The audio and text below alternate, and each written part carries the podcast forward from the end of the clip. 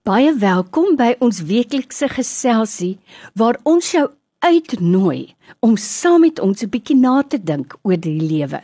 Ek nooi Dr. François Swart, hy's 'n verhoudingskenner en hy's ook 'n kliniese en pastorale terapeut om met jou te gesels oor vrae wat dalk vir jou pla, oor lewenskwessies en uiteindelik wil ons regtig hoop dat jy by 'n punt kom waar jy sê, "Maar ek kies lewe."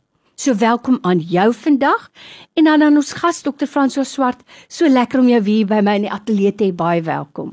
Dankie Lorraine en um, welkom al die luisteraars. Ons sien uit om so 'n paar minute saam met julle te wees vandag. Dis 'n baie besonderse tyd. Ons is nou in die adventtyd. Maar kom ons praat 'n bietjie oor Kersfees want jy weet, as ek nou by 'n winkel instap, al wat ek hoor is I'll be home for Christmas or I'm dreaming of a white Christmas of I'll have a blue Christmas without you. Dit gaan vir my alles so oor dit moet mense om my hê dat dit moet net 'n jolly tyd wees. En vir almal is dit dalk nie so nie. En voel dit vir my baie keer ons verloor die groter prentjie van Kersfees. So kom ons gesels 'n bietjie oor Kerstyd. Kerstyd. Is dit nie 'n wonderlike tyd oh, uh, van die jaar nie? Mm. Dit is 'n tyd waar 'n mens uh, bewus raak van wie jy is, die wat is die kwaliteit lewe wat jy ervaar? En dan dit is so Lorraine dit is 'n tyd wat jy jou verhoudinge veral soos wat die Engelsman sê ge-highlight word. Soos mm. hy highlighter pen. As jou verhoudings goed was deur die jaar dan beleef jy ook dan Kersfees baie goed. As jou verhoudings sleg was en dinge het nie lekker uitgeloop nie en nie lekker vir jou gewerk nie dan voel jy skielik baie eensaam oor Kersfees daarom is dit so 'n belangrike vraag. Hoe beleef 'n mens Kersfees? Wat ek graag sou net wou hê dat ons net vinnig oor moet dink, is dat Kersfees is nie net die 25ste Desember nie. Kersfees is 'n tydperk en jy het dit nou mooi gesê, ons is in Adventstyd wat ons nou weet eintlik die laaste Sondag van November breek Adventstyd uit. Dit begin dan vier Sondae wat ons onsself voorberei vir Kersfees en daar's verskillende maniere hoe om jouself voor te berei. En een van die maniere is wanneer jy verwys het. Mense kan die hele tyd uh, by inkopiesplekke wees, die musiek wat jy van melding gemaak word, jingle bells. Jy kom in 'n stemming en jy sien goed en jy koop goed en alles is deel van voorbereiding. Ek dink dit is bietjie meer as as net dit om Kersfees in sy volheid te beleef.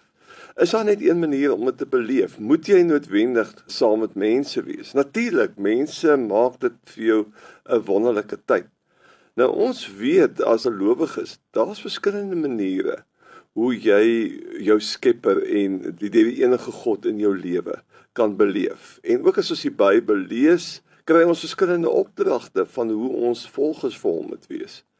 En ek wil nou maar net drie vinnig uitlig Miskien sit jy daar voor die radio en jy dink aan jou eie verhouding met die Here.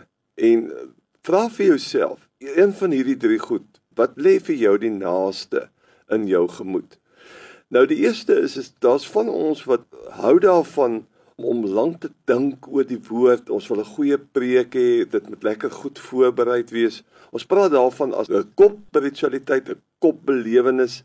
Jy wil bietjie teologie beoefen, jy wil geestelike boeke lees en jy wil verryk en verruim word.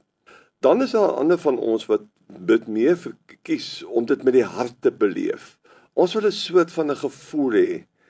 Dis baie keer wat Kersfees vir ons dan baie sterk om uitwys is die gevoel wat ek op die oomblik in my gemoed ronddra. Is dit so lekker of is dit nie? En ons kan later 'n bietjie weer daaroor gesels. Mm. En dan die derde is dis vir my 'n tyd en ons kry nogal sulke ouens onder ons. Dis 'n tyd vir doen. Mm. Oumas, hulle maak die lekkerste kos vir hulle kinders. Uh mammas beplan Kersete. Dit is 'n tipe van 'n doen aktiwiteit. Mm. En ek dink dit is ook 'n tyd waar jy moet uitreik na mense wat dalk nie so bevoorreg soos jy is nie om ook iets te doen. En daarvan praat ons as 'n handbelewenis. Dis die 3. Wat gaan ons 2020 se Kersfees die klem op laat val? 'n Kopbelewenis? Gaan dit 'n hartbelewenis wees of gaan dit 'n handbelewenis wees? Of gaan ons sê hierdie jaar gaan al ons luisteraars by Radio Tygerberg gaan ons in al drie gelyktydig werk. By my in die ateljee vandag het ek weer vir Dr. François Swart.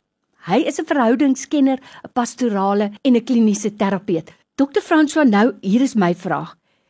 Die een is nie meer werd of meer reg as die ander nie. Is dit? Want ek vind baie keer dat mense ander mense kritiseer wat dit op 'n ander manier beleef as ek.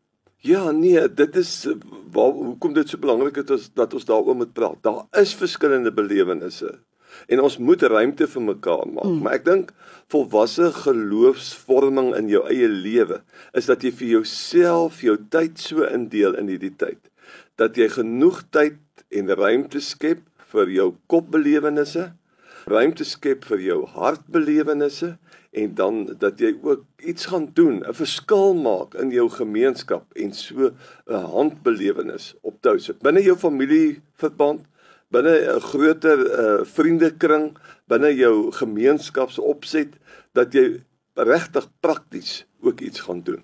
Ek is so bly dit word nou genoem want ek weet daar's baie gemeentes wat veral oor hierdie tyd 'n baie klem daarop laat lê en 'n beroep doen op gemeentelede om by te dra om te help. En dan sê ander mense, maar wat van die res van die jaar?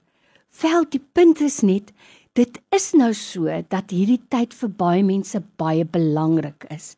So daarmee wil ek nie sê dat ons die res van die jaar moet afskeep nie, maar ek kan tog verstaan dat mense 'n spesiale uitreik het oor hierdie tyd. Vir my maak dit baie sin ten slotte net. As ons regtig 'n dieper belewenis wil hê oor hierdie Kerstyd, gee miskien vir ons ten slotte net so 3 punte hoe ons dit prakties kan doen en maklik kan regkry, dat dit nie so hoog is dat ons nie daar kan bykom nie. Drie lekker praktiese dinge wat 'n ou kan doen en 'n mens moet dit in jou dagboekie inskryf en daaroor dink. Ons het nou die hele tyd met drie punte gewerk. Ek dink die eerste ding wat 'n mens aan kan werk is kyk na wat se musiek jy luister. Ek dink ons het so verskeidenheid van geestelike musiek. Mm. Partykeer het jy nie nodig om na musiek te luister wat woorde het nie. Dit is net instrumenteel, maar dit bring jou binne 'n stemming waar jy amper saam met die engele voel ere aan God in die hoogste hemele en vrede vir alle mense. En ons het vrede in hierdie land beslis nodig. Probeer om vir jou te omring met musiek. Veral as jy alleen ook bly, is dit goed dat jy eh, planne maak om gereeld na musiek te luister. Die tweede is maak vir jou 'n lysie. Wie is die drie mense in wie jy in hierdie tyd 'n verskil wil maak? Wil jy dalk 'n SMS stuur of 'n WhatsApp stuur of dalk 'n mooi kaartjie maak want baie van ons luisteraars weet ek is baie kreatief en sommer net ek gaan 'n boodskap hê vir die drie persone wat die Here op my hart plaas, gaan ek doen.